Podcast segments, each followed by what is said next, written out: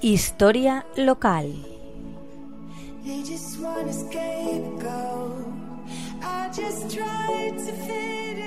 Buenas tardes, amigos de la Tegua Radio.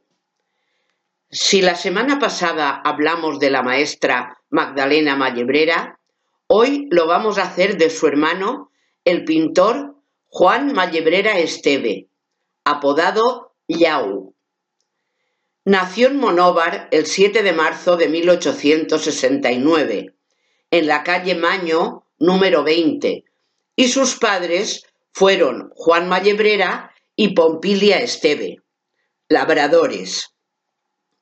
Además de su hermana, tuvo otros dos hermanos, Baldomero y Antonio. El primero trabajaba en la piedra y el segundo era pintor de brocha gorda Juan y Antonio se encargaban de la decoración de muchas casas de Monóvar, recayendo en Juan la parte artística de zócalos, paredes o techos, ya que pronto comenzó a demostrar sus cualidades pictóricas. Don Ciro Pérez, rico monovero, diputado provincial y persona muy influyente por aquel entonces, conociendo las aptitudes de Juan, consigue que sea becado en 1906 para estudiar en la Real Academia de Bellas Artes de San Fernando, en Madrid. Allí tuvo como maestro a don Vicente Palmaroli y González, eminente retratista y pintor de hechos históricos.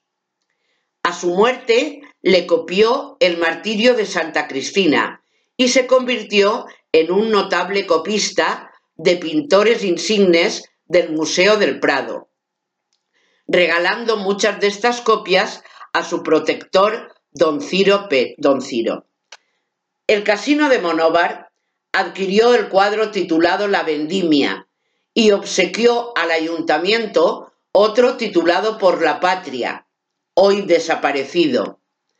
Era íntimo amigo de Azorín y le visitaba con mucha frecuencia a su mujer, doña Julia, le regaló un cuadro de flores que le había gustado, enviándoselo a Madrid por medio de su alumno Luis Vidal. La carta que recibió en agradecimiento se dice que fue una de las más largas que el maestro había escrito y que reproducimos.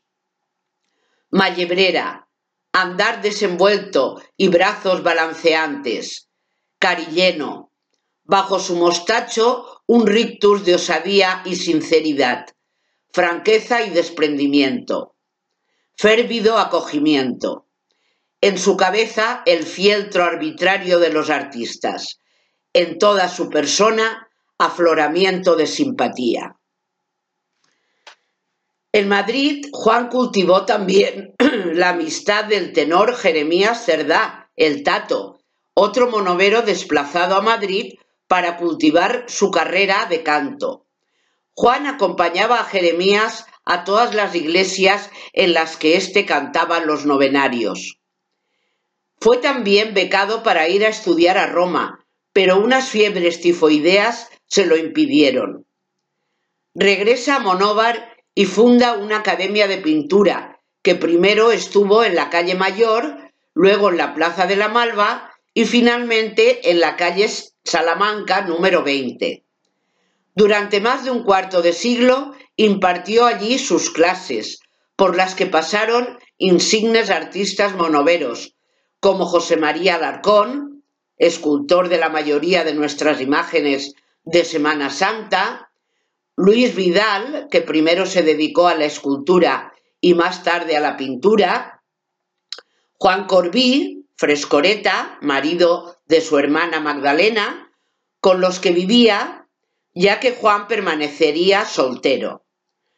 Por desavenencias familiares, vivía en su estudio de pintura situado en el primer piso y era atendido por su sobrina Pili, hija de su hermano Baldomero.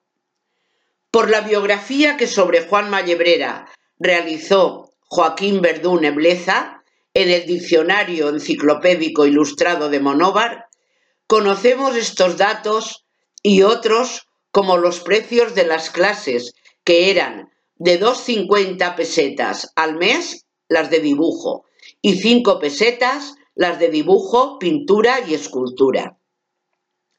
Sus alumnos comenzaban siempre por conocer la técnica del dibujo, lo que don Juan consideraba imprescindible, y luego pintaban marinas, bodegones o copias de otros cuadros. Le gustaba mucho que sus alumnos pintaran del natural, por lo que llevaban frutas u otros objetos para componer los bodegones.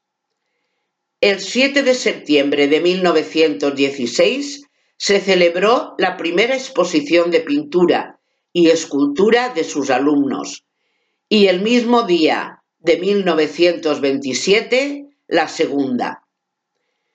En la primera presentaron obras Amparo y Pilar Martínez Ruiz, hermanas de Azorín, Pura Verdú Tormo, Amparo Rico Jara, María Albert Cabanes, Juan Corbí, José Amorós Serrano, Paulino Verdú, entre otros. Y en la segunda estuvo José María Alarcón, Luis Vidal Maestre, Joaquín Verdú Nebleza, entre otros muchos. Otros alumnos suyos fueron también Luis Martínez Limorti, José Artiaga, Luis Maruenda, Matilde Insa, Venancio Gran, Miguel Caballero y otros muchos que no puedo citar por falta de espacio. Nuestro gran reconocimiento a este maestro de pintores, que se merece un gran recuerdo por la cantidad de personas que se formaron en su escuela. Murió en 1938. Pues con este recuerdo os, os dejamos, amigos de la Tegua Radio. Hasta la semana que viene.